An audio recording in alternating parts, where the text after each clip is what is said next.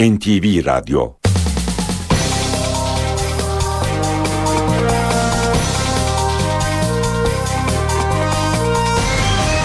İşe Giderken Mutlu sabahlar. Ben Aynur Altunkaş. Bugün 19 Temmuz Cuma. İşe giderkenle karşınızdayız. Saat 9'a kadar Türkiye ve dünya gündemindeki gelişmeleri, gazete manşetlerini, piyasa verilerini, yol ve hava durumlarını aktaracağız. Önce gündemin öne çıkan başlıklarına bakalım. Başbakan Erdoğan yabancı büyükelçilere iftar yemeği verdi. Batı dünyasının tavrına eleştirilerini sürdüren başbakan, Gezi Parkı eylemlerinde tepki gösterenlerin Mısır'da sessiz kaldıklarını söyledi.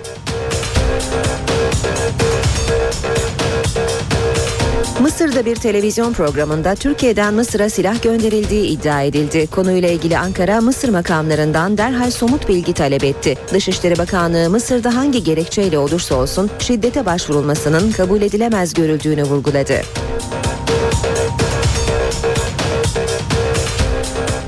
Suriye sınırında PYD güçleriyle El Nusra cephesi arasında çatışmalar dün de devam etti. Şanlıurfa'nın Ceylanpınar ilçesinde bir genç sınırı aşan kurşunla yaralandı. Zırhlı araçlar sınırın sıfır noktasında bekletiliyor. Sivillerin sınıra yaklaşmasına izin verilmiyor. Fenerbahçe ve Beşiktaş'a Avrupa yolu açıldı. Sarı lacivertliler Şampiyonlar Ligi, Beşiktaş ise UEFA Avrupa Ligi kura çekimine katılacak. Kura çekimi bugün İsviçre'de yapılacak.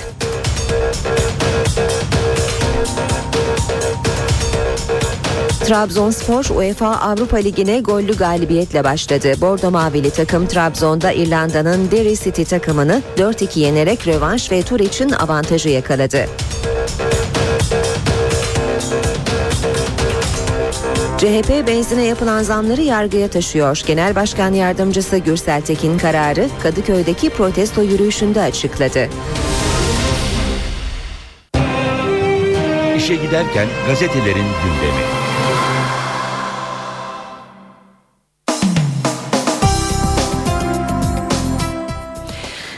Gündemdeki gelişmelerin gazetelere nasıl yansıdığına bakacağız. Hem Türkiye'nin 5. yüz nakli hem de Kastan, Fenerbahçe ve Beşiktaş'a gelen iyi haberler bugün tüm gazetelerde manşet ya da sürmanşetlerde. Hürriyet bu daha başlangıç diyor. Fenerbahçe Beşiktaş Avrupa'ya gidiyor. Kasta acil yargılama önerisini kabul eden iki kulüp için yeni ışık doğdu ve kritik bir hukuki süreç başladı. Ağustos sonu çıkacak karara kadar Avrupa yolculuğu sürecek. UEFA şike cezası için yürütmeyi durdurma isteyen Fenerbahçe ve Beşiktaş'a kasta acil yargılamayı kabul ederseniz ön eleme oynayabilirsiniz yazısı gönderdi. Bu formül UEFA için tazminat ödeme riskini de ortadan kaldırıyordu.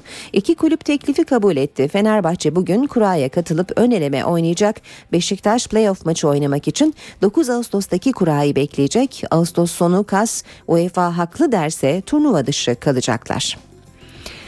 Mucizeyle gelen yüz diyor yine bir başlıkta Hürriyet. Recep Sert'in yüz nakli için çağırdılar. Recep Sert'i yüz nakli için çağırdılar. Antalya'ya uçak bilet parası 50 lira eksik kaldı. Kız arkadaşı cep telefonunu satmak isterken o parayı tesadüfen orada olan nakil ekibinden bir doktor verdi. Biraz ayrıntı okuyalım. Muğla Akyaka'da pazar günü denizde fenalaşan Polonyalı turist Andrei Kuca'nın beyin ölümü gerçekleşince organları ailesince bağışlandı. Turistin yüzünün Bursa'da yaşayan Recep Sert'e nakline karar verildi. Devamını Recep Sert'in kız arkadaşı Elif, Elif Tercüman şöyle anlattı. 2-3 günlüğüne İzmir'e gelmiştik. Müjdeyi alınca Recep Antalya'ya gitmek için uçak bileti almak istedi. 120 liramız vardı. 50 lirayı bulamadık çaresizdik. Cep telefonumu satmak için girişimlerde bulunuyordum ki o sırada yüz nakli ameliyatına girmek için İzmir'den Antalya'ya gidecek olan Profesör Doktor Murat Akalan'la karşılaştık. Eksik 50 lirayı o verdi. Doktor ve Sert Antalya'ya aynı uçakla gitti. Devam edelim basın özetlerine Milliyet gazetesiyle. Milliyet de sürmanşette teklif UEFA'dan geldi diyor. Fenerbahçe ve Beşiktaş'a Avrupa kapısı kas kararıyla açıldı. Kas kararının ardından Fenerbahçe hisseleri %10,5 primle tavan yaptı. 30,40 lira değere ulaşan hisseler şirketin piyasa değerini 760 milyon liraya taşıdı. Beşiktaş hisseleri de %8,84'lük artışla 1,60 liraya ulaştı. Olumlu hava Galatasaray ve Trabzon Trabzonspor hisselerini de yükseltti. Şampiyonlar Ligi'nde iki öneleme turu oynayacak olan Fenerbahçe ilk rakibiyle bugün eşleşiyor. Kura çekimi 13'te İsviçre'nin İsviçre'de muhtemel rakiplerse Yunanistan'dan PAOK, Avusturya'dan Salzburg, Danimarka'dan Nordjylland, İsviçre'den Grasshoppers ve Belçika'dan Zulte Waregem. Milliyetin manşeti ise her evde kurşun izi. Dün bir gencin daha vurulduğu Ceylanpınar gergin. Yaralılardan Nezir Atilla evde kapı çarpsa çocuklar mermi sanıp ağlamaya başlıyor diyor. Devam ediyoruz. Basın özetlerine işe giderken de Sabah gazetesine bakalım. Sabahta oğuldan anneye hürriyet davası başlığı manşette. Yesugay Oba, LYS başarısını Orta Doğu Teknik Üniversitesi ile taşlandırmak istedi. Annesi Boğaziçi diye ısrar etti, edince Oba hürriyetimi kısıtlıyor diyerek savcının kapısını çaldı. Türkiye'de bir ilk olan şikayet geçen günlerde İstanbul Cumhuriyet Savcılığına yapıldı. Sen Pulşeri Fransız Lisesi'ni bitiren Yesugay Oba, LYS sınavında yüzde birlik dilime girdi. Elde ettiği başarıyla Türkiye'de birçok okulu kazanabilen Oba, ODTÜ'yü seçti ancak Oba'nın tercihi aile arasında krize dönüştü. Annesi Nurdan Oba kesinlikle Boğaziçi diye diretti.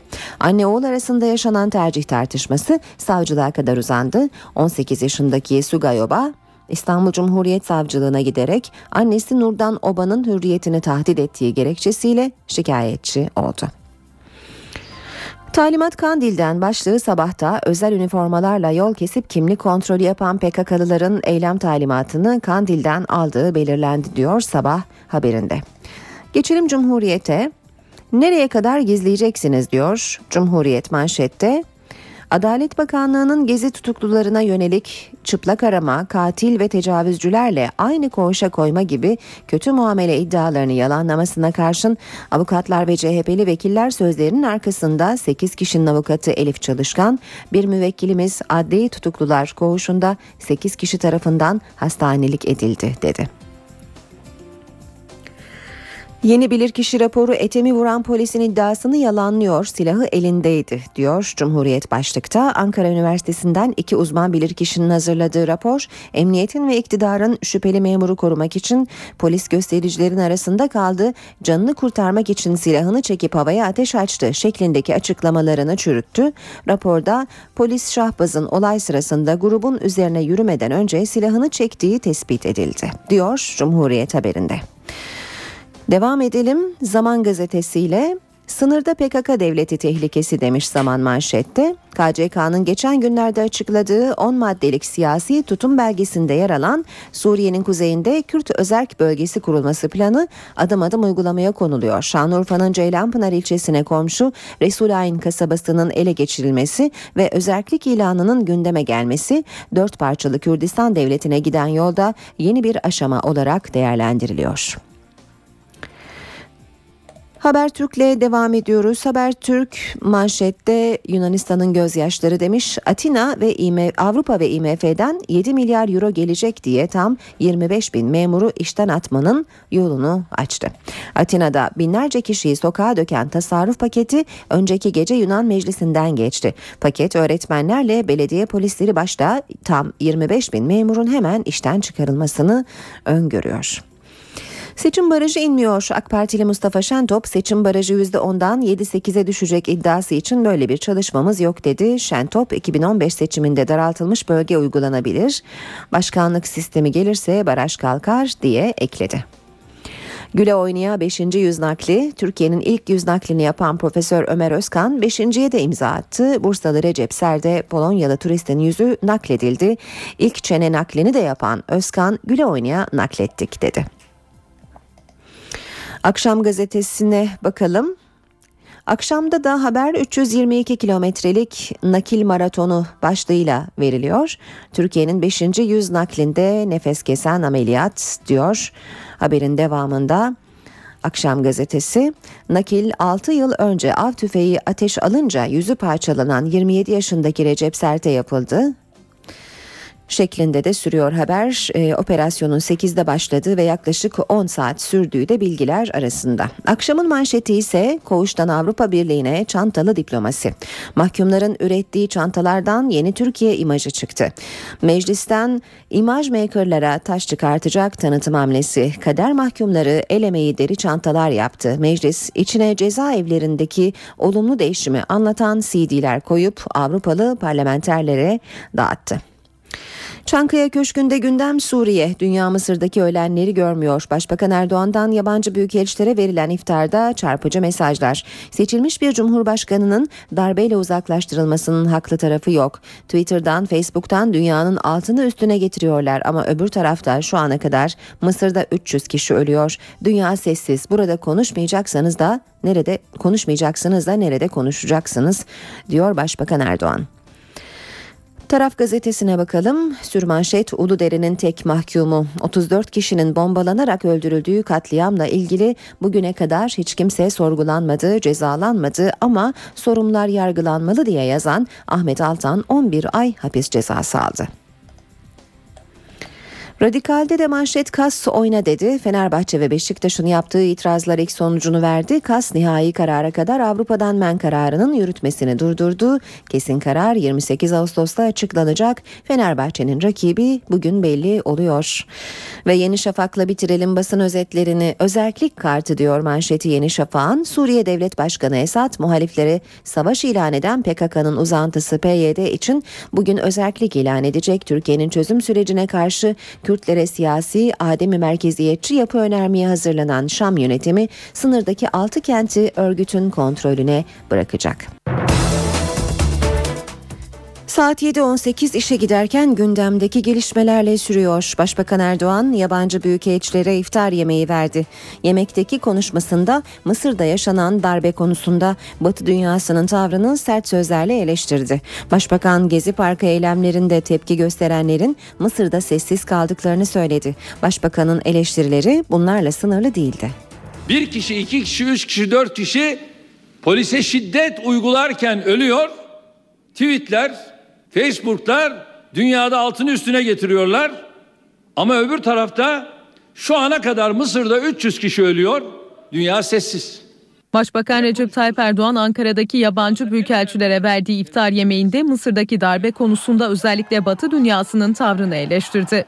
Demokrasiden taviz verilmemesi gerekir diyenlerin bu noktada tavırlarını omurgalı bir şekilde görmek isteriz. Mürsi de hata yaptı. Yanlış yaptı. Tamam da neye göre hata yaptı? Neye göre yanlış yaptı? Bunun kararını farklı ülkeler mi verecek? Ben böyle bir demokrasiyi tanımadım. Başbakanın gündeminde Suriye'de yaşanan iç savaş da vardı. Erdoğan, Çin, Rusya ve İran'a çağrı yaptı. Rusya'ya sesleniyorum. Çin'e sesleniyorum. İran'a sesleniyorum. Artık buradaki uzlaşmacı sürece destek vermeniz gerekir diyorum. Aksi takdirde bu ölen 100 bin insanın ve şu anda ülkelerinden ayrı yaşayan milyonlarca insanın inanıyorum ki tarih boyunca affı olmayacaktır. Başbakan büyükelçilere yeni anayasa sürecini de anlattı, muhalefetin tavrını eleştirdi. Bu 48 taneyi madem mutabık kaldık bunu hemen mecliste bir haftada çalışalım bunu çıkaralım. E şimdi kim ipe un seriyor? Biz mi? Diğerleri. Süreci eğer bitirmek gerekiyorsa bu işin bitirecek olanı meclis başkanımızdır. Masadan kalkan taraf asla biz olmayacağız. Erdoğan'ın iftar yemeğine İsrail ve Suriyeli temsilciler çağrılmadı. Mısır Büyükelçisi de davetli olduğu halde toplantıya katılmadı. Mısır Mısır'da bir televizyon programında Türkiye'den Mısır'a silah gönderildiği iddia edildi. Ankara, Mısır makamlarından konuyla ilgili derhal somut bilgi talep etti. Dışişleri Bakanlığı kaynakları Mısır'da önceki akşam bir televizyon programında Türkiye'den gelen bir konteyner içinde gerçek silaha dönüştürülebilen ses tabancaları ele geçirildiğine yönelik iddiaların derhal ve kapsamlı şekilde araştırılmasını ve gerçeğin süratle ortaya çıkarılmasını istedi. Ayrıca Mısır'ın istikrar ve huzuruna Türkiye'nin büyük önem atfettiği Mısır'da hangi gerekçeyle, gerekçeyle olursa olsun şiddete başvurulmasının kabul edilemez görüldüğü vurgulandı. Suriye sınırında PYD güçleriyle El Nusra cephesi arasında çatışmalar dün de devam etti. Şanlıurfa'nın Ceylanpınar ilçesinde bir genç sınırı aşan kurşunla yaralandı. Suriye sınırında yine silah sesleri yükseldi. Resulan kasabasındaki çatışmadan seken kurşun Ceylanpınar'da bir genci yaraladı. 19 yaşındaki Ali Benice'nin sırtına Birlik Mahallesi'nde yürürken kurşun isabet etti. Yaralı genç Ceylanpınar Devlet Hastanesi'ne kaldırıldı. El Nusra ile PKK'nın Suriye'deki uzantısı PYD arasındaki çatışmalar 3. gününde. Bölgede kontrol büyük ölçüde PYD güçlerine geçti. Resulayn'da sınıra yakın karakollarda PYD'yi temsil eden bayraklar asıldı. Resulayn kasabasının yanı başında bulunan Ceylanpınar'da tedirginlik sürüyor. Resulayn'da çatışmalar devam ederken sınırın Türkiye tarafında Ceylanpınar'da sınıra yakın noktalardaki bazı evler güvenlik gerekçesiyle vatandaşlar tarafından boşaltılmış durumda. Öğretmen evi ve bazı evlere mermiler isabet etti. Seken kurşunlar Ceylanpınar Tigem arazisinde anız yangınına neden oldu. Alevler işler ve itfaiyenin çabasıyla büyümeden söndürüldü. Sınırda görev yapan basın mensupları da açılan ateş nedeniyle zaman zaman zor anlar yaşıyor. İlçede çok sayıda esnaf kepenk açmadı. Suriye'deki iş ve çatışmadan dolayı e, Güney'in bayağı bir sıkıntı çekti esnafımız. Ve biz de kapatmak e, verilmek zorunda kaldık. Türk askeri de teyakkuzda. Zırhlı araçlar sınırın sıfır noktasında bekletiliyor. Sivillerin sınıra yaklaşmasına izin verilmiyor. Gaziantep İslahiye'de facianın eşiğinden dönüldü. İstihbarat birimleri ve güvenlik güçlerinin çalışmasıyla Hatay Reyhanlı'da 52 kişinin yaşamını yitirdiği saldırının bir benzeri son anda önlendi. Biri Türk 5 kişi bomba yapımında kullanılan malzemeyle birlikte yakalandı. Gaziantep'in Islahiye ilçesinde 52 kişinin öldüğü Reyhanlı benzeri bir saldırının son anda önlendiği ortaya çıktı. Zaman gazetesinin haberine göre güvenlik birimleri Suriye İstihbarat Teşkilatı El Muhaberat'la irtibatlı bazı grupların Türkiye'de ses getirecek büyük bir eylem hazırlığında olduğu istihbaratını aldı. Suriye'den Türkiye'ye giriş yapan tüm araçlar takibe alındı. Bazı grupların Haziran ayında Hatay plakalı bir minibüsle eylem yapacağı ihbarı üzerine aracın plakasını belirleyen güvenlik güçleri şüpheli minibüsün Gaziantep'te olduğu bilgisine ulaştı. MOBESE ve güvenlik kameraları aracılığıyla aracın yeri belirlendi. 19 Haziran gecesi operasyon düzenlendi ve aracın Türk şoförü MT ile birlikte Suriye uyruklu 4 kişi gözaltına alındı. Araçta ise bomba yapımında kullanılan malzemeler ele geçirildi. Emniyetteki sorgularının ardından Suriye uyruklu bir kişi serbest bırakılırken biri Türk 4 kişi tutuklanarak cezaevine gönderildi. İşe giderken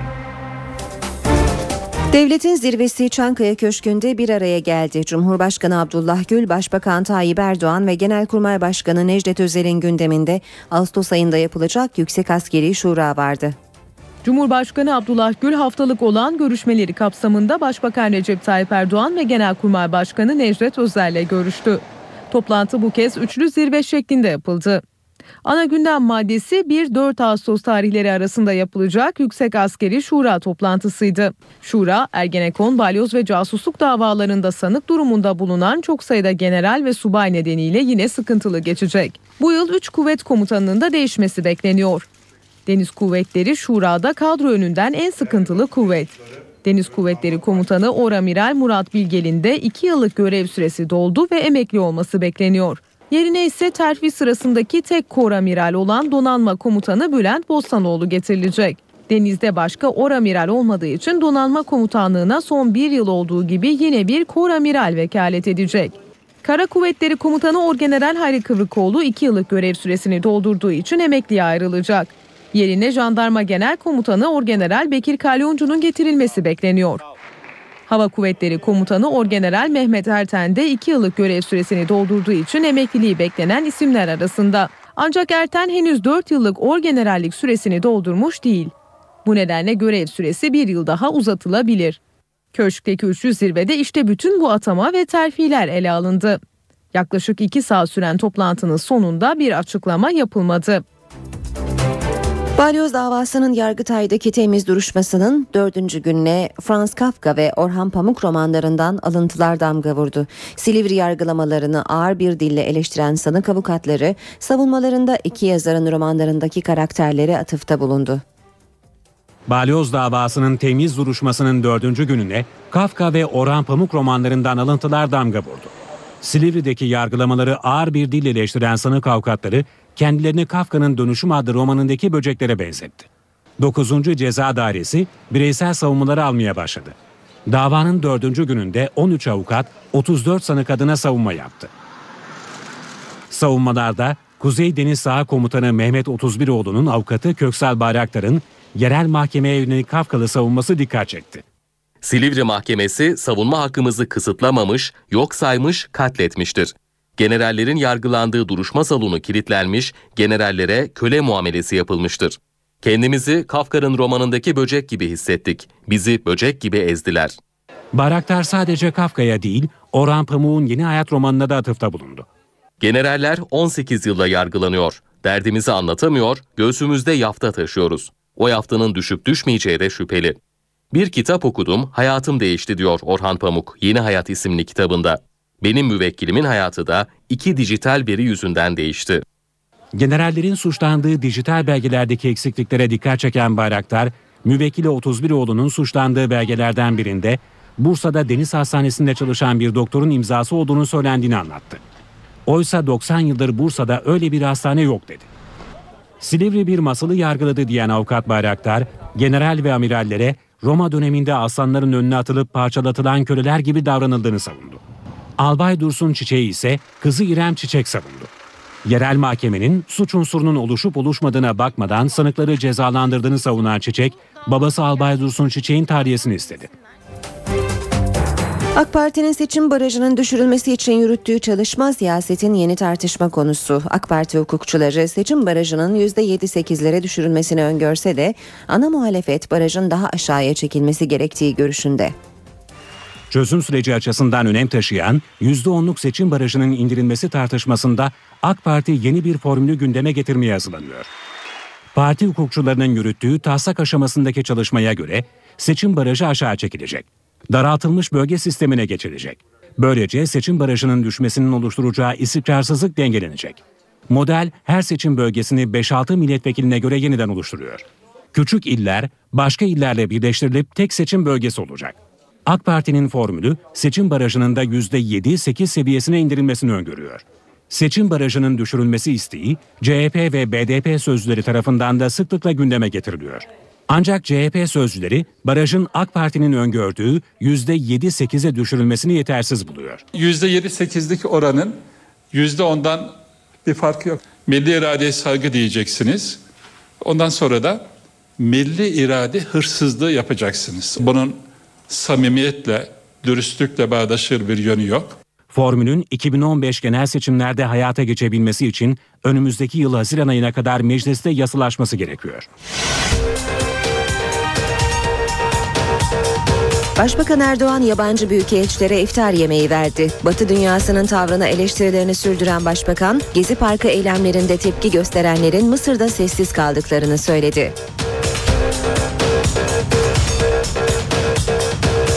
Mısır'da bir televizyon programında Türkiye'den Mısır'a silah gönderildiği iddia edildi. Konuyla ilgili Ankara, Mısır makamlarından derhal somut bilgi talep etti. Dışişleri Bakanlığı Mısır'da hangi gerekçeyle olursa olsun şiddete başvurulmasının kabul edilemez görüldüğünü vurguladı.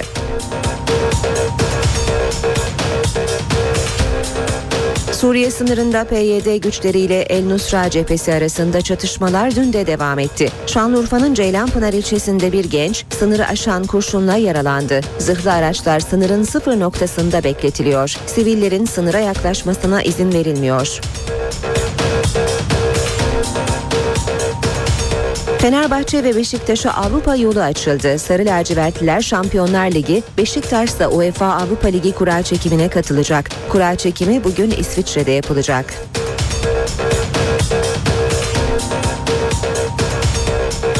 Trabzonspor UEFA Avrupa Ligi'ne gollü galibiyetle başladı. Bordo Mavili takım Trabzon'da İrlanda'nın Derry City takımını 4-2 yenerek rövanş ve tur için avantajı yakaladı. CHP benzine yapılan zamları yargıya taşıyor. Genel Başkan Yardımcısı Gürsel Tekin kararı Kadıköy'deki protesto yürüyüşünde açıkladı.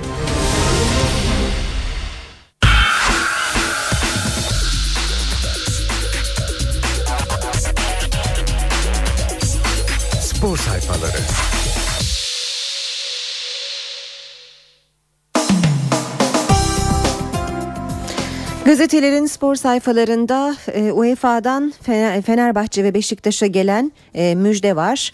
Aynı e, başlıklarla hem akşam hem de Hürriyet gidiyoruz Avrupa'ya demiş. Hürriyet gazetesinden aktaralım. Fenerbahçeli futbolcular kararı kampta marş söyleyerek kutladı. UEFA ve iki kulüp anlaştı, kas onayladı. Fenerbahçe ve Beşiktaş Avrupa kupalarına gidiyor. Kura çekimindeler. Saat 14.20'de karar açıklandı. UEFA acil yargılama önerdi. Fenerbahçe ile Beşiktaş kabul etti ve KAS iki kulübümüzün Avrupa kupalarına ve kura çekimine katılabileceğini açıkladı. Nihai karar 28 ve 30 Ağustos tarihlerinde verilecek. UEFA'dan gelen men e, kararlarına her iki kulüpte KAS'ta itiraz etmişlerdi. KAS'tan e, haber dün geldi. Biraz daha ayrıntı aktaralım. Fenerbahçe'nin muhtemel rakipleri Yunanistan Dan PAOK, Avusturya'dan Salzburg, Danimarka'dan Nordsjælland, İsviçre'den Grasshoppers ve Belçika'dan Varegem. Devam ediyoruz yine haberlere. Duruşmalar 20-23 Ağustos arası diyor Hürriyet. Uluslararası Spor Tahkim Mahkemesi'nde olağan ve olağanüstü dava olmak üzere iki dava şekli var. Olağan davalar 8 ay sürebiliyor. Olağanüstü davalar ise çok kısa sürede sonuçlandırılıyor. Fenerbahçe ve Beşiktaş'ın davaları olağanüstü davalar kategorisinde görüşülecek. Beşiktaş için 20-23, Fenerbahçe için ise 21-23 Ağustos arası duruşma yapılacak. Devam edelim yine hürriyetten aktarmaya. 19'u 7 geçe Cardozo Fenerbahçe'de Sarı Lacivertler Paraguay'lı ve 19 Temmuz'da yani bugün 19.07'de açıklayacak diyor 1907'ye e, atfen bu başlık. Devam edelim diğer haberlerle fırtına gibi başladı. Bordo Mavililer İrlandalı rakibini bol gollü galibiyetle geçip tura göz kırptı. UEFA Avrupa Ligi ikinci tur ilk maçında Derry City'yi konuk eden Trabzonspor Adrian Henrique kendi kalesine atan Moloy ve Giray'ın golleriyle sonuca gitti. Rövanş öncesi avantajı elde etti. Çimlere basmak yasak. Galatasaray'da Arena Stadı'nın zemini için kırmızı alarm verildi. Türkiye'nin ev sahibi olduğu U20 Dünya Kupası'nda bozulan zemini düzeltmek için yurt dışından uzmanlar getirildi. Gaziantep Spor maçına kadar zemine bu uzmanlar dışında kimse adım atmayacak. Kartal'dan tatsız bir e, tarife 1-0. Yeni sezon hazırlıklarını Avusturya'da sürdüren siyah beyazlar Queen's Park Rangers'la oynadığı hazırlık karşılaşmasında Johnson'ın 65. dakikadaki golüne engel olamadı. Yine kas kararına dönelim. Ee, sarı, sarı lacivertli yöneticilerin değerlendirmesi var. UEFA kaybetme ihtimalini gördü. Fenerbahçe'nin iki hukukçu yöneticisi Mosturoğlu ve Aytöre kas kararının açık bir zafer olduğunu belirtirken UEFA davayı kaybetme riskini görmese bu yürütmeyi durdurma kabul etmezdi dediler. Karar aleyhte olsa bile Avrupa'dayız. Fenerbahçe yöneticisi Aytöre kastan çıkacak karar olumsuz olsa dahi bu sezon Avrupa kupalarında oynayacaklarını söyledi. Akşamda da e, kastan gelen açıklamalar gidiyoruz Avrupa'ya başlığıyla yer almış. Hem Fenerbahçe hem Beşiktaş'la gidiyoruz Avrupa'ya. Fenerbahçe kastan tedbir istedi.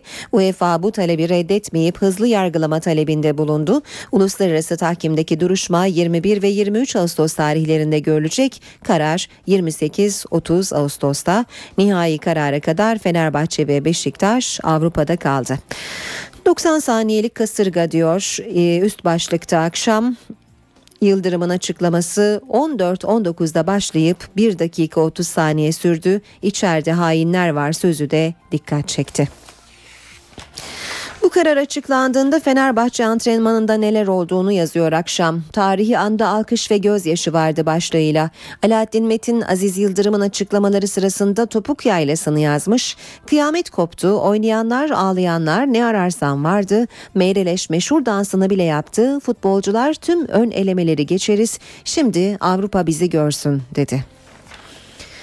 İki yıllık ceza bire iniyor. Fenerli hukukçular kas yargılamasında en az bir yıllık cezanın kalkacağı intibası oluştu. Tarihi karar dediler.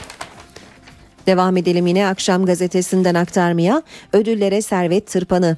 Gençlik ve Spor Bakanlığı amatörlere yaptığı ödül desteğini büyük oranda düşürüyor. Gençlik ve Spor Bakanlığı ödül yönetmeliğini değiştirmek için hazırlıklara başladı. Bugüne kadar yapılan uluslararası yarışmalarda Olimpiyat 2000, Dünya 1500 ve Avrupa Şampiyonaları 500 Cumhuriyet altını kazandırıyor. E, şampiyonları 500 Cumhuriyet altını kazanıyordu. Son olarak Olimpiyat şampiyonu Servet Tazegül'ün önce Akdeniz oyunlarında sonra da Dünya Tekvando Şampiyonası'nda dereceye girememesi ardından da Nur Tatar'ın Dünya Şampiyonası'nda sürpriz şekilde elenmesi adeta bardağı taşırdı.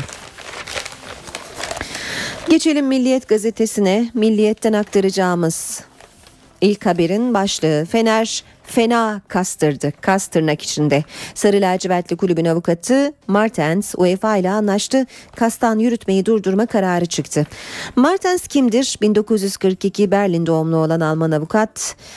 Dirk Rainer Martens ana dili dışında İngilizce, İspanyolca, Fransızca ve İtalyanca biliyor. Martens'in uzmanlık alanı spor hukuku geçmişte olaylı İsviçre maçı sonrası Futbol Federasyonu'nun avukatlığını üstlenen Martens 6 maçlık cezada indirim yapılmasını sağlayamamıştı. Ancak Alman avukat UEFA'nın Bursa Spor'a verdiği bir yıl Avrupa kupalarından men cezasını ise kasta kaldırmayı başarmıştı. Hiç fark etmez. Fenerbahçe'nin Avrupa Şampiyonlar Ligi 3. öneleme turundaki rakibi bugün Lyon'da çekilecek kura ile belirlenecek. Kuraya seri başı girecek olan Sarı Lacivertli takım dişine göre bir rakiple eşleşecek. Mutluluğun resmidir. Christian Baroni Fenerbahçe'yi şampiyonluğa taşımak istediklerini söyledi. Büyük takımlarda birçok yabancı futbolcu olacağına işaret eden Brezilyalı yıldız, bunlar çok kaliteli olacaktır. Bizde bizde olduğu gibi bu sorun yaratmaz. Bu iyi bir şey. İçerideki başarıyı arttırmak için güzel bir durum ifadesini kullandı. Yine Milliyet'ten okuyalım. İşin sırrı terimde. Galatasaray'ın başında ilk kez 27,9 yaş ortalaması bulunan bir takımı yöneten tecrübeli çalıştırıcı buna rağmen 30 yaş sınırına dayanan birçok isme altın çağını yaşatıyor. Beklentilerin çok üzerinde bir verim alıyor diyor Milliyet haberinde. Ve son başlık fazlamız bile var. 12 dev adamın iki tecrübeli ismi Ender Aslan'la Sinan Güler'den kısa rotasyonda sıkıntı yaşar mıyız sorusuna yanıt var. Yeni arkadaşların da katılımıyla istenen kimyayı yakalarsak bırakın eksiği fazlamız bile var. Gazetelerden spor haberleri aktardık. Gündemdeki gelişmelere yakından bakmaya devam edelim. İşe giderken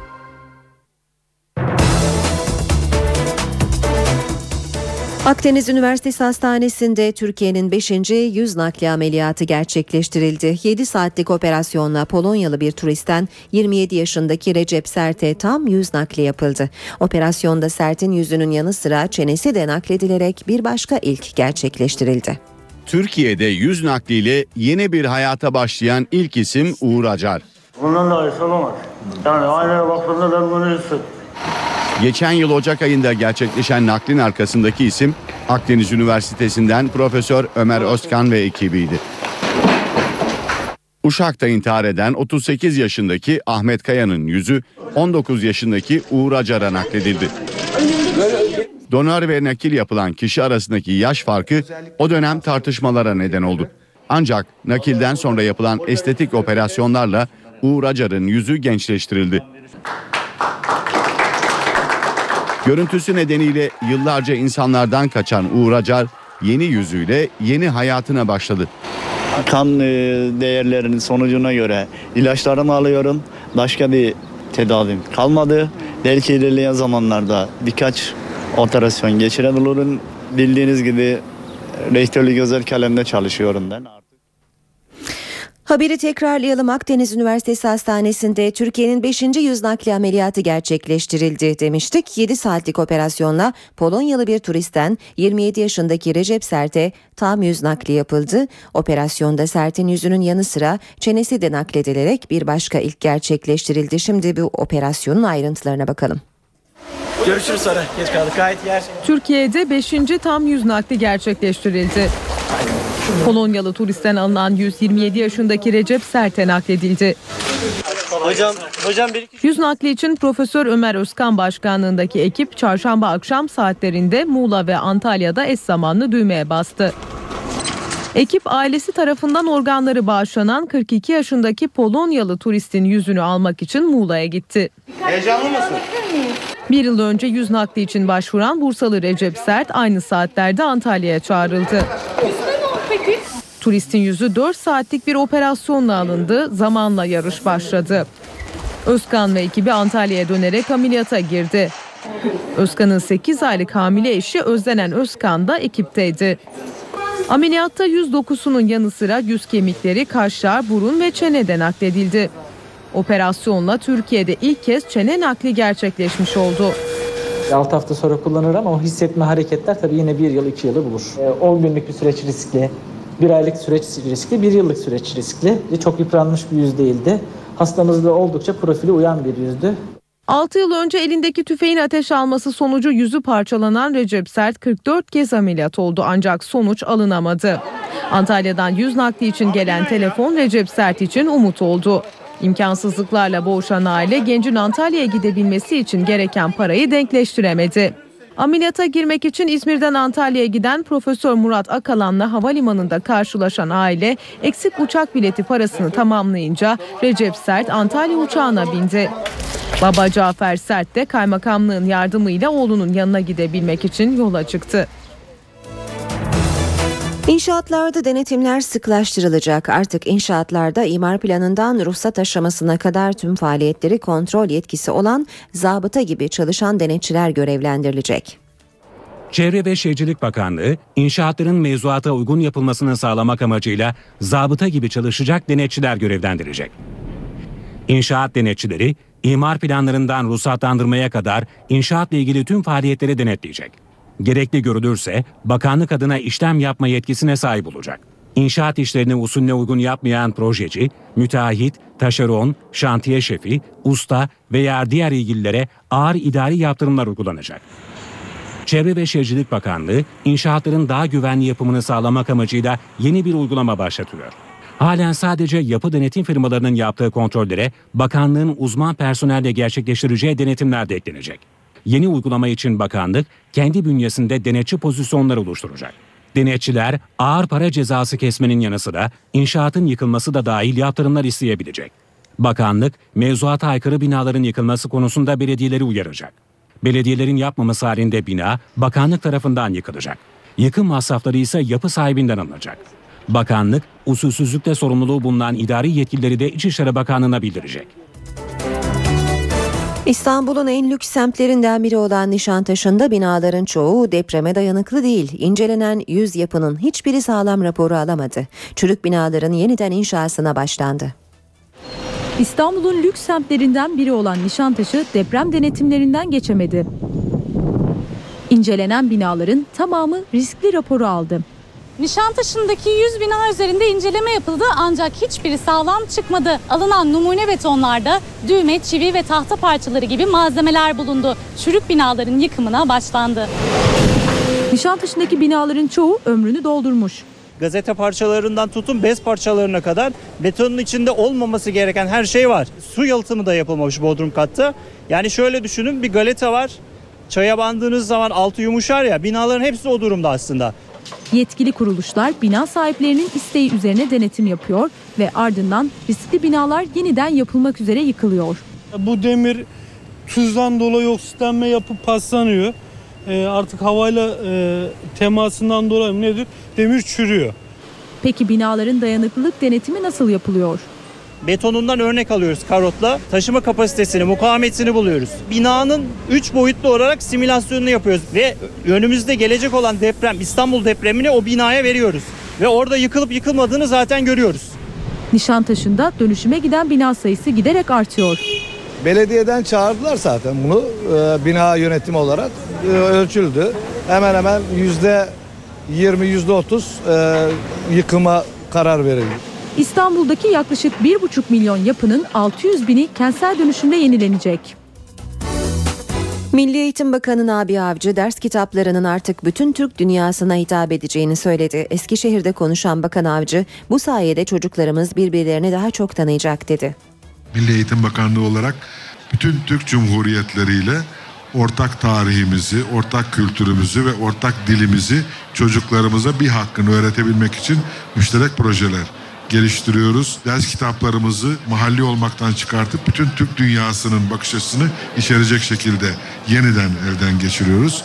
İnşallah bu bütün bu çabaların sonucu olarak ileride çocuklarımız bütün Türk dünyasında Kazakistan'dan Saraybosna'ya kadar bütün Türk dünyasında, Osmanlı dünyasında çocuklarımız birbirlerini daha çok iyi tanıyacaklar, daha iyi tanıyacaklar ve dolayısıyla daha çok sevecekler. NTV Radyo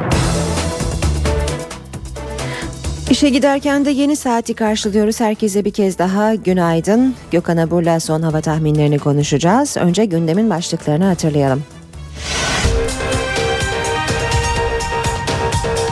Başbakan Erdoğan yabancı büyükelçilere iftar yemeği verdi. Batı dünyasının tavrına eleştirilerini sürdüren başbakan, Gezi Parkı eylemlerinde tepki gösterenlerin Mısır'da sessiz kaldıklarını söyledi.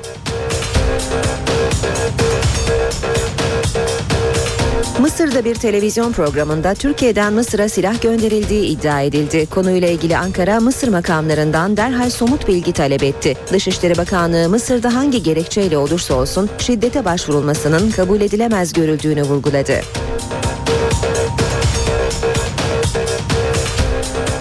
Suriye sınırında PYD güçleriyle El Nusra cephesi arasında çatışmalar dün de devam etti. Şanlıurfa'nın Ceylanpınar ilçesinde bir genç sınırı aşan kurşunla yaralandı. Zırhlı araçlar sınırın sıfır noktasında bekletiliyor. Sivillerin sınıra yaklaşmasına izin verilmiyor. Fenerbahçe ve Beşiktaş'a Avrupa yolu açıldı. Sarı lacivertliler Şampiyonlar Ligi, Beşiktaş da UEFA Avrupa Ligi kura çekimine katılacak. Kura çekimi bugün İsviçre'de yapılacak.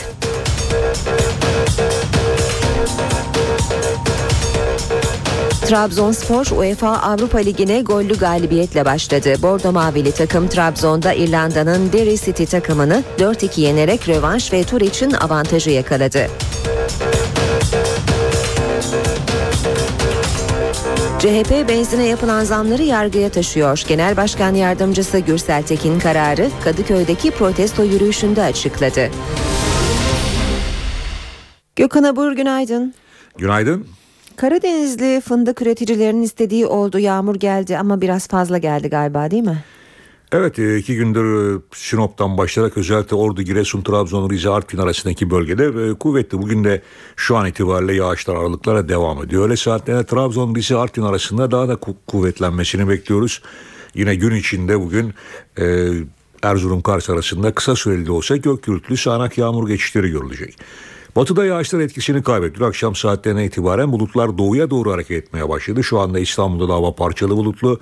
İlerleyen saatlerde bu bulutlar da dağılacak. Yine açık az bulutlu bir hava bekliyoruz İstanbul'da. Poyraz yine öğle saatlerinde Boğaz kesiminde biraz sert esecek ama hafta sonu sıcaklıklar Marmara'da da hızlı bir şekilde yükseliyor. Bugün Ege'de ve Akdeniz'de geçtiğimiz günlere göre birkaç derece yükselecek olan sıcaklıkların hafta sonu tüm yurtta hissedilir derecede yükselmesini bekliyoruz. Fakat Pazartesi günü yeniden Trakya'dan başlayarak sıcaklıklar Marmara ve Batı Karadeniz bölgemizde 2-3 derece azalacak. Bu azalışlar tabii çok uzun süreli azalışlar değil. Yine sıcaklıklar mevsim ortalamaları civarında olacak ama Hafta boyu önümüzdeki hafta yine sert bir rüzgar var Marmara'da ve Batı Karadeniz'de. Sıcaklıklar yeniden çarşambadan itibaren yeniden yükselecek. Evet e, yarın için ülke genelinde sıcaklıklar yükselirken yalnızca Rize Artvin arasında ve Ardahan'daki bölgede kısa süreli yağış bekliyoruz. Pazar günü için e, yine bölgede Rize Artvin arasında hafif bir yağış var. Ama de, bu yağışlar çok kısa süreli yağışlar olacak. Özellikle yarın beklediğimiz Rize Artvin arasındaki yağışlar çok çok kısa süreli daha çok akşam saatlerinde oluşacak ve pazar günü aralıklarla devam edecek tipteki yağışlar. Rüzgarlar batıda yine bugün sert. Hafta sonu biraz yavaşlıyor ama Akdeniz boyunca rüzgarın özellikle kuzeyden esmesi Antalya ve civarında nemi azaltmaya başladı. Sıcaklıklar yükseliyor demiştim. Bugün için İstanbul'da beklediğimiz hava sıcaklığı 29. Ankara yeniden 30 derecelere yaklaşıyor. İzmir'de ise sıcaklık 34 derece olacak. Evet bizleri bekleyen koşullar bugün için ve hafta sonu için genelde böyle. Teşekkür ediyoruz. Gökhan Abur bizimleydi. İşe giderken gazetelerin gündemi.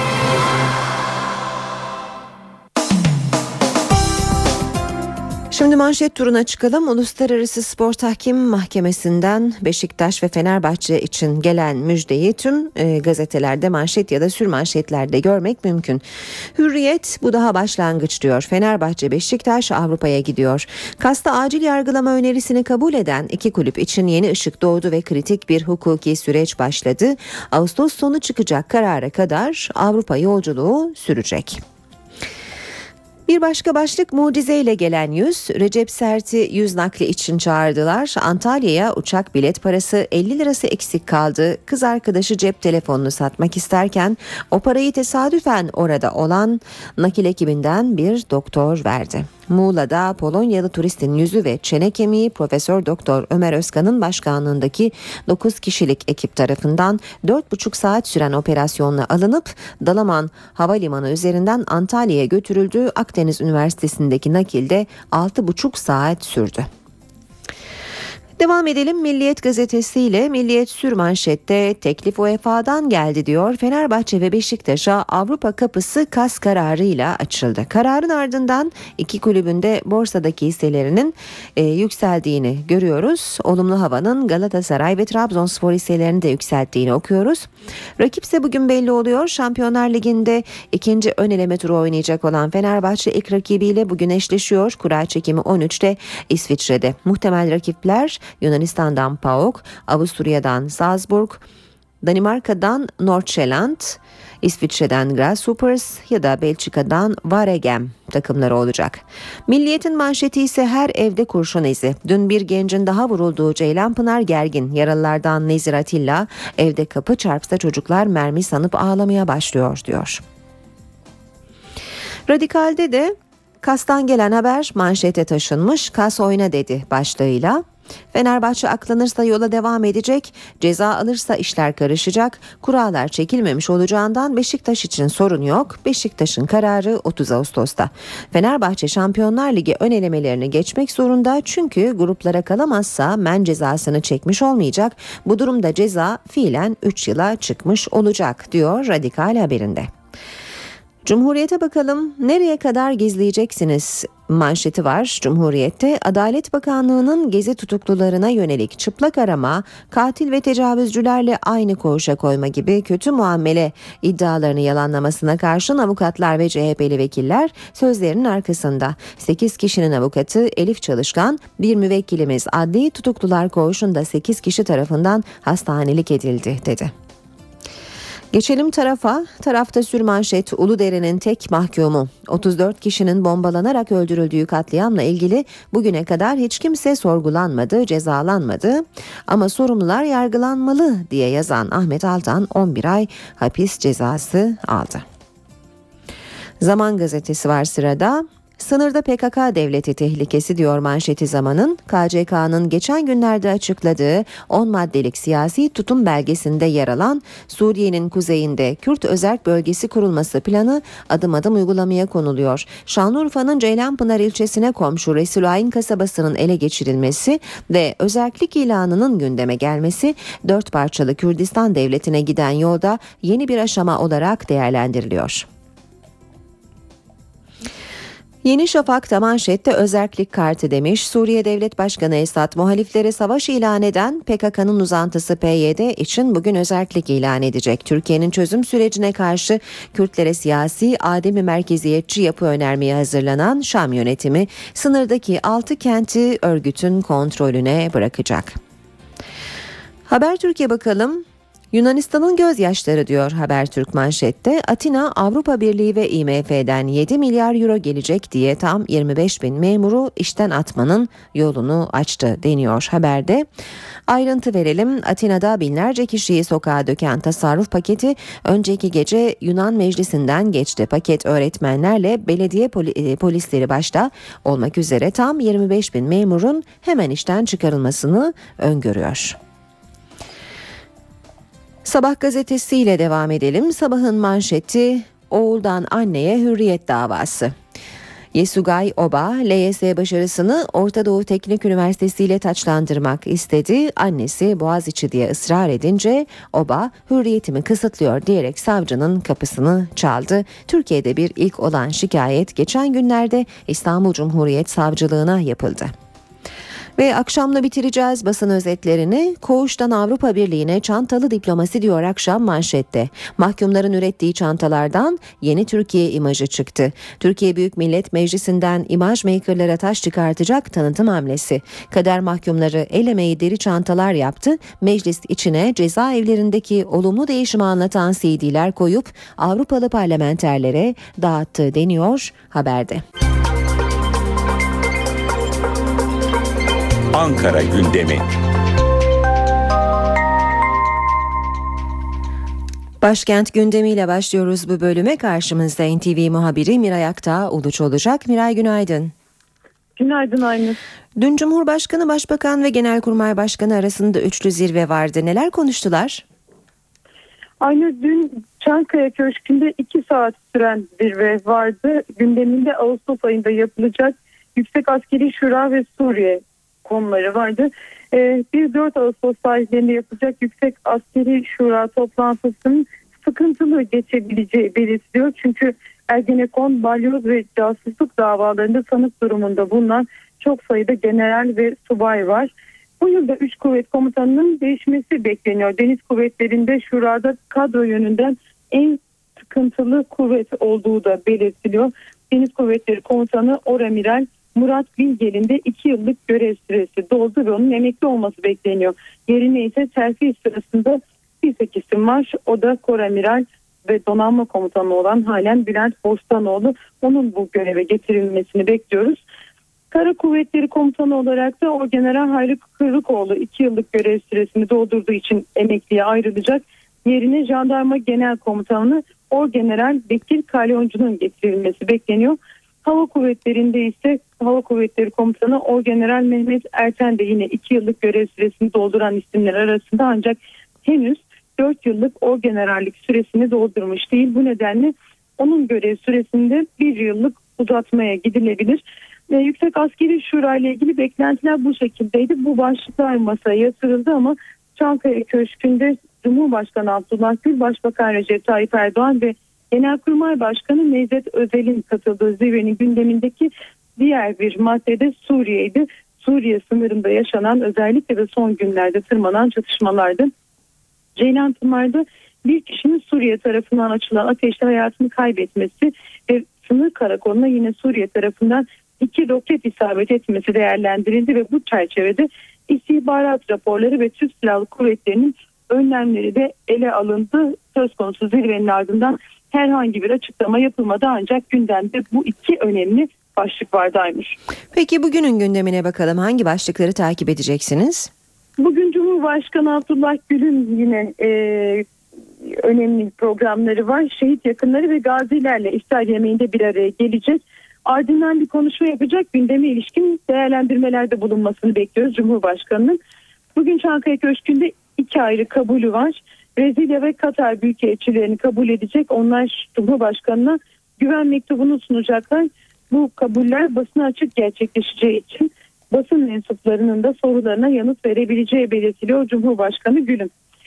Başbakan Erdoğan bugün Ankara dışında olacak. Kastamonu Havalimanı'nın açılışını yapacak. Başbakan akşam saatlerinde valilik tarafından Kastamonu Stadyumunda düzenlenecek olan iftar programına da katılacak ve o da yine gündeme ilişkin değerlendirmelerini bu iftar yemeğinin ardından yapacak. Başkentin bugün yabancı bir konuğu da var. Önemli bir konuğu var. Yunanistan Başbakan Yardımcısı ve Dışişleri Bakanı Venizelos resmi temaslarda bulunmak için bugün Ankara'da olacak. Dışişleri Bakanı Ahmet Davutoğlu ile bir araya geleceği e, bir görüşmesi var.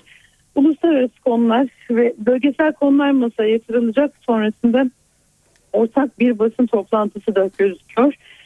Başbakan Yardımcısı Ali Babacan bugün Moskova'ya hareket edecek. Moskova'ya gitmesinin gerekçesi ise bugün G20 Bakanlar Toplantısının olması. İşte o hareketi öncesinde havalimanında bir basın toplantısı düzenleyecek Başbakan Yardımcısı Ali Babacan.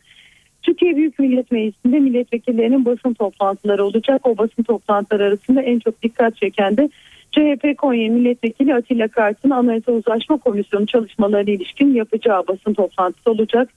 Ve başkent gündeminde son not spor dünyasında. Süper Lig kulüplerini oluşturduğu Kulüpler Birliği Vakfı'nın yeni başkanı bugün Ankara'daki toplantıda seçilecek ama o toplantıda önemli bir gündem maddesi daha olacak.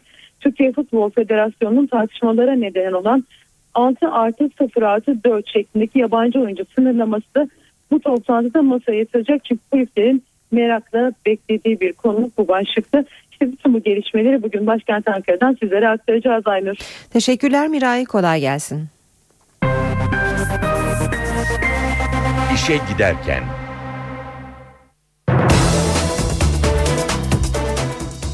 Gündemin öne çıkan gelişmelerine bakmaya devam edelim. Radyo ve Televizyon Üst Kurulu Başkanı Davut Dursun'un görev süresi doldu. Dün basın toplantısı yapan Dursun, Gezi Parkı protestolarını yayınladıkları için Halk TV ve ulusal kanala ceza verildiği iddialarını yalanladı. Dursun cezaların Radyo ve Televizyon Üst Kurulu'nun yayın ilkelerine uyulmadığı için verildiğini belirtti. Hiçbir kuruluş iktidara karşı muhalif yayın yapıyor ondan dolayı ceza alıyor böyle bir şey söylenemez. Radyo ve Televizyon Üst Kurulu Başkanı Davut Dursun, bazı televizyon kanallarına Gezi Parkı protestoları sırasında takındıkları muhalif tavır nedeniyle ceza verildiği iddialarını yalanladı. Verilen cezaların Gezi Parkı olaylarından önceki döneme ait olduğunu söyledi. Bunun e, Gezi Park'la hiçbir ilgisi yok. 13 ve 17 Nisan 2013 tarihlerinde yapılan yayınlarla ilgilidir. Gezi Parkı ile ilişkilendirilmesi en basit ifadesiyle iyi niyetten uzak bir e, değerlendirme gibi geliyor. İki yıllık görev süresini dolduran Davut Dursun, vatandaşın televizyonlarda en çok şikayette bulunduğu konuları açıkladı. Özellikle e, cinsellikle ilgili şikayetler öne çıkıyor. Şiddetle ilişkin iş, e, şikayetler öne çıkıyor.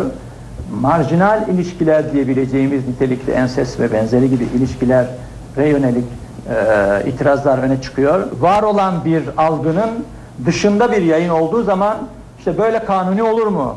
Böyle e, efendim harem olur mu? Osmanlı İmparatorluğu böyle miymiş? gibi tepkiler ortaya çıkıyor. Eskişehir'deki Gezi Parkı olaylarında bir grubun saldırısına uğrayan ve yaşam mücadelesini 38 gün sonra kaybeden Ali İsmail Korkmaz'la ilgili soruşturmada iki gelişme yaşandı. Soruşturmayı yürüten savcı adli tatil nedeniyle geçici olarak değişti. Hakan Ali Erkan'ın yerine savcı Hasan Gönen görev yapacak. Korkmaz'ın avukatları ve ailesi geçici de olsa konu hassas olduğu için savcı değişikliğini eleştirdi. Diğer yandan 19 yaşındaki üniversiteli gencin ölümüyle ilgili İçişleri Bakanlığı ve Emniyet Genel Müdürlüğü tarafından görevlendirilen müfettişler Eskişehir'de çalışmalarına başladı. Müfettişler çeşitli kuruluşlarla görüşmeler yaptı. Savcılık da soruşturma kapsamında olay gecesi görevli polislerin ifadesine başvuracak. Tanıklara, göstericilere copla müdahale ederken görüntülenen şüphelilerin teşhisi yaptırılacak. Avukat Bayram Mural meslektaşlarının gözaltına alınmasını protesto etmek için Ankara'dan İstanbul'a yürüdü. Avukat Bayram Mural Gezi Parkı gözaltılarını İstanbul Adalet Sarayı'nda protesto etmek isteyen avukatların gözaltına alınmasına gösterilen tepkileri yetersiz buldu. İstanbul'a yürüdü. 18 günde 600 kilometre yol yürüyen Mural eylemini Adliye Sarayı önünde tamamladı. Basın açıklaması yapmasına izin verilmeyen avukat adliyenin karşı tarafında kısa bir açıklama yaptı. Bayram Mural'a meslektaşları da destek verdi. İstanbul Beyoğlu'nda Gezi Parkı olayları sırasında gözaltına alınanların serbest bırakılmasını isteyen grupla polis arasında gerginlik çıktı. Polis biber gazı kullandı. Galatasaray Lisesi önünde eylem yapan grup eylemin ardından çevik kuvvet polislerinin üzerine çektirdikleri dolar fotokopilerini attı. Polis göstericileri biber gazı kullanarak dağıttı.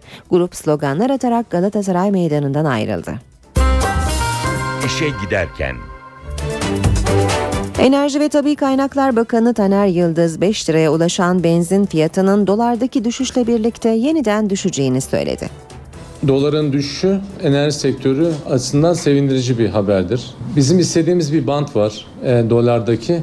O bant e, piyasada rekabet edebilir ve diğer enerji kaynakları ile alakalı karşılaştırılabilir bir banttır. Türkiye enerji sektöründe açık pozisyonla çalışan bir ülkedir. Döviz alıp TL ile satmaktadır. Yalnızca ham petrol fiyatlarının yükseltme, yükselmesi veya düşmesi değil, aynı zamanda e, döviz sepetinin hareketliliği de bizim açımızdan önemlidir. E, ben bunun sürdürülebilir e, olmasını temenni ediyorum. E, tabii ki e, bu belli bir süre içerisinde bu indirim e, otomatik fiyatlama mekanizmasına yansıyacaktır.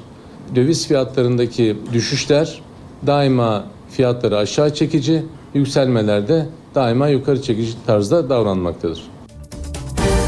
Cumhuriyet Halk Partisi ise benzine yapılan zamları yargıtaya taşıma, yargıya taşımaya hazırlanıyor. CHP Genel Başkan Yardımcısı Gürsel Tekin, partisinin İstanbul Kadıköy'de düzenlediği zam protestosunda yargı sürecini başlatacağız, protestolarımız sürecek dedi. Hazırlanmış olan yargı sürecinde yarından itibaren başlatacağız. Ne yazık ki dünyanın en pahalı benzinini kullanan bir ülkenin insanları olarak bugün buradayız. Bundan sonra da çeşitli illerde bu zamları protesto eylemimiz devam edecek. Cumhuriyet Halk Partisi Genel Başkan Yardımcısı Gürsel Tekin bu açıklamayı partisinin Kadıköy İlçe Teşkilatı'nın düzenlediği yürüyüşte yaptı. Suadiye'de buluşan CHP'liler pankartlar ve sloganlarla benzinin litresinin 5 lirayı bulmasını protesto etti. Sürücüler de zaman zaman korna çalarak eyleme destek verdi. Bu benzin fiyatlarının 5 liraya yükselmesini asla ve asla kabul etmiyoruz. Zaten insanların alım gücü belli. Yani arabayı kullanacak hal kalmadı. Bundan sonra ne yapacağımızı biz de şaşırdık. Artık tabanmaya devam edeceğiz. Yürüyüş Göztepe Parkı'nda sona erdi. Sürücülerin aklındaki soru şu, otomobili daha az akaryakıt harcayarak nasıl kullanırız? Yağız Şenkal, Saffet Üçüncü ile birlikte İstanbul turuna çıktı ve bu sorunun yanıtını araştırdı. Geçen sene tam da bu tarihte benzinin litresi 4 lira 38 kuruştu. Bugün 5 liraya aştı. Bu arabanın 45 litrelik bir deposu var. Geçen sene 197 liraya doluyordu. Bugün 225 liraya doluyor. Peki nasıl daha tasarruflu araba kullanabiliriz? Yanıtı Saffet 3.'de.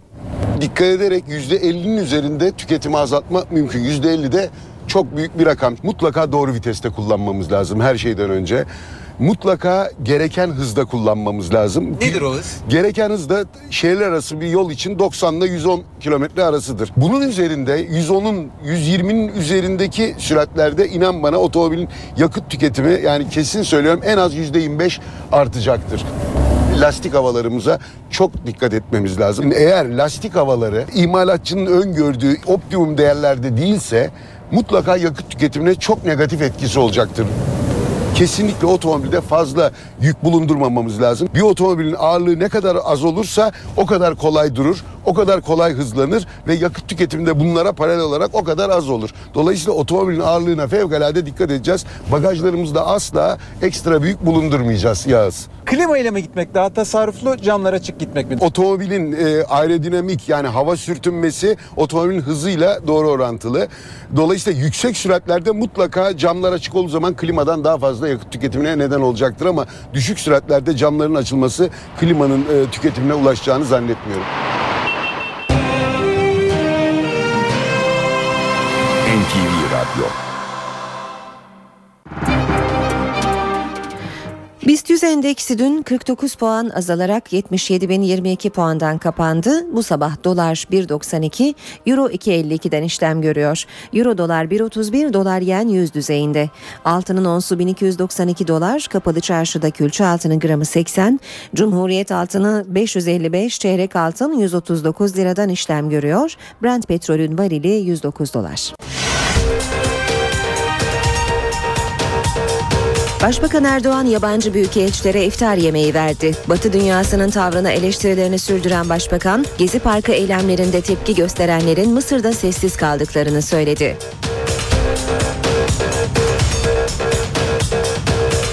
Mısır'da bir televizyon programında Türkiye'den Mısır'a silah gönderildiği iddia edildi. Konuyla ilgili Ankara, Mısır makamlarından derhal somut bilgi talep etti. Dışişleri Bakanlığı Mısır'da hangi gerekçeyle olursa olsun şiddete başvurulmasının kabul edilemez görüldüğünü vurguladı.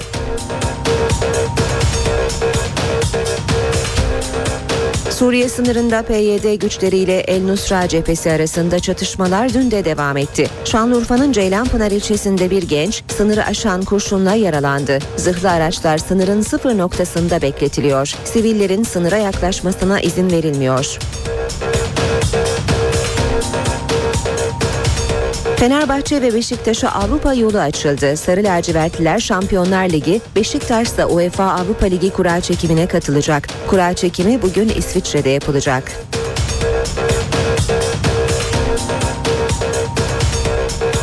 Trabzonspor UEFA Avrupa Ligi'ne gollü galibiyetle başladı. Bordo Mavili takım Trabzon'da İrlanda'nın Derry City takımını 4-2 yenerek rövanş ve tur için avantajı yakaladı. CHP benzine yapılan zamları yargıya taşıyor. Genel Başkan Yardımcısı Gürsel Tekin kararı Kadıköy'deki protesto yürüyüşünde açıkladı.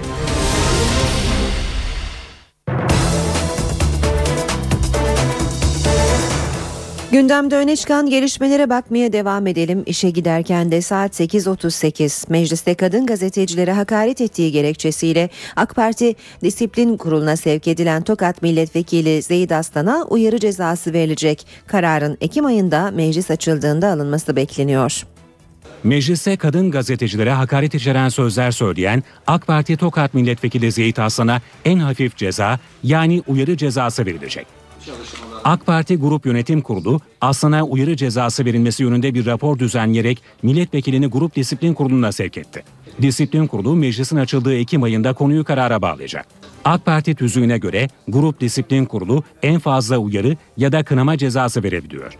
Aslan şayet AK Parti Müşterek Disiplin Kurulu'na sevk edilseydi geçici ihraç gündeme gelebilecekti. Tokat Milletvekili Zeyt Aslan'la dört kadın gazeteci arasında Aslan'ın meclise uyurken çekilen fotoğrafları nedeniyle tartışma çıktı. Bu sırada Aslan gazetecilerle konuşurken olumsuz ifadeler kullandı. Aslan'a daha önce de CHP Tunceli Milletvekili Kamer Gence Meclis Genel Kurulu'nda küfrettiği gerekçesiyle kınama cezası verildi. İstanbul'daki dört büyük cezaevine yönelik operasyonda gözaltına alınan şüpheliler adliyeye sevk edildi. Uşak Müzesi'nden deniz atı broşunu çalmak suçundan cezaevinde hapis yatan Ahmet de çete lideri olmakla suçlanıyor. Çete üyelerinin nasıl çalıştığına dair bilgiler de gün ışığına çıkıyor. İstanbul'da 4 cezaevine yapılan operasyonda gözaltına alınan Ahmet D ile birlikte 28 kişi İstanbul Adalet Sarayı'na sevk edildi. Gözaltına alınan 35 kişiden 7'si emniyetten savcılığın talimatıyla serbest bırakıldı. Şüphelilerin savcılık sorguları devam ediyor. Düzenlenen operasyonlar sırasında yapılan aramalarda polis kamerasıyla görüntülendi. 4 müdür, 8 gardiyan, 3 sağlık memurunun da gözaltına alındığı soruşturmada şüphelilere cürüm işlemek amacıyla suç örgütü kurmak ve cezaevine girmesi yasak suç unsurlarını sokarak haksız kazanç elde etmek suçları isnat ediliyor. Uşak Müzesi'nde sergilenen kanatlı deniz atı broşunu çalmak suçundan 6 yıl hapis cezasına çarptırılan Ahmet de çete lideri olmakla suçlanıyor. İddiaya göre cezaevi ikinci müdürüne ve gardiyanlara rüşvet veren Ahmet de çetesini içeriden yönetmeye devam etti. Hatta istediği zaman geceleri cezaevinden çıkarıldı, gazinoya ya da kumar oynamaya gitmesine göz yumuldu. Ahmet Y'nin telefon konuşmasında hastane raporlu olmasına rağmen dışarıda bulunmasına şaşıran adamına bizim buralarda dışarı çıkmak çok kolay koçum şeklinde cevap verdiği belirtildi. Ve yine iddiaya göre hastaneye sevk edilen mahkumların da uyuşturucu kullandıkları için idrar tahliline başka kişilerden örnek gönderdikleri belirlendi. Balıkesir'de engelli bir kıza cinsel istismarda bulundukları iddiasıyla yakalanan 3 kişi ve buna göz yumduğu söylenen babanın serbest bırakılması kararına savcı itiraz etti. 3 çocuk babası İbrahimiye'nin para karşılığı zihinsel engelli kızının cinsel istismara uğramasına göz yumduğu, kızı itiraz edince de ablasını zorladığı öne sürüldü. Genç kız ve ablası jandarmaya verdiği ifadelerinde iddiaları doğruladı. Savcılık 16 yaşındaki zihinsel engelli kızı 40 gün boyunca alıkoyduğu ve cinsel istismara istismarda bulunduğu iddia edilen 3 kişi ve babanın tutuksuz yargılanmak üzere serbest bırakılması kararına itiraz etti.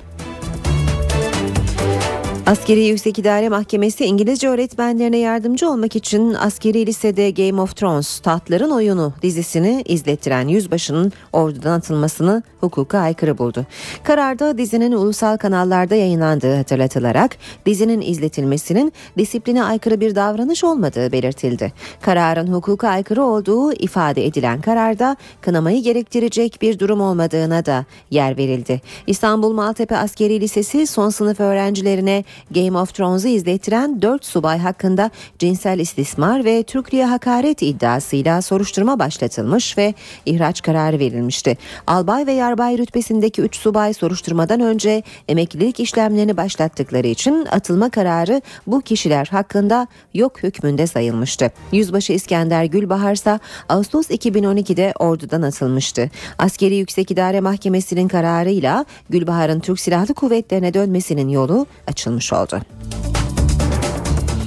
Rap sanatçısı Sagopa Kajmer olarak bilinen ve uyuşturucudan gözaltına alınan Yunus Özyavuz serbest bırakıldı. Cumhuriyet Savcısı Haluk Tekin tarafından yarım saat ifadesi alınan Yunus Özyavuz uyuşturucu madde ithal etmek suçundan tutuklanma talebiyle nöbetçi mahkemeye sevk edildi. Nöbetçi 8. Sulh Ceza Mahkemesi Yunus Özyavuz'a adli kontrol hükümleri uygulayarak tutuksuz yargılanmak üzere serbest bırakılmasına karar verdi. Özyavuz için adli kontrol uygulanacak. Yun Özyavuz'un İngiltere'den yaklaşık 100 adet kenevir tohumu sipariş ettiği iddia ediliyor. İzmir'in Karşıyaka ve Konak ilçelerinde akşam ezanı iftar saatinden önce duyuldu. Valilik sabotaj olduğunu açıkladı. Vali Mustafa Toprak, Hisar Camii'ne giren bir kişinin iftar vaktinden 18 dakika önce kayıttan dışarıya ezan sesi verdiğini, birkaç saniye içinde de sesin kesildiğini söyledi. Sabotaj olduğunu belirten vali, il müftülüğü konuya ilişkin inceleme başlattı dedi. Tıpta uzmanlık eğitimi giriş sınavıyla diş hekimliğinde uzmanlık eğitimi giriş sınavı için başvurular bugün başlıyor. Sınavlara başvuru süresi 29 Temmuz'da sona erecek. Diş hekimliğinde uzmanlık eğitimi giriş sınavı 7 Eylül'de, tıpta uzmanlık eğitimi giriş sınavı ise 8 Eylül'de yapılacak. Konuyla ilgili bir açıklama yapan ÖSYM, TUS veya DUS'a başvuracak adaylardan ÖSYM'nin internet sitesinde yer alan sınav kılavuzunu dikkatle incelemelerini istedi. Bu haberle işe giderken sona eriyor. Saat başında gelişmelerle yeniden karşınızda olacağız. Editör masasında Safiye Kılıç, teknik masada Ceyhun Hoşol, Emre Köseoğlu ve ben Aynur Altunkaş. Mutlu bir gün girmenizi diliyoruz. Hoşçakalın. NTV Radyo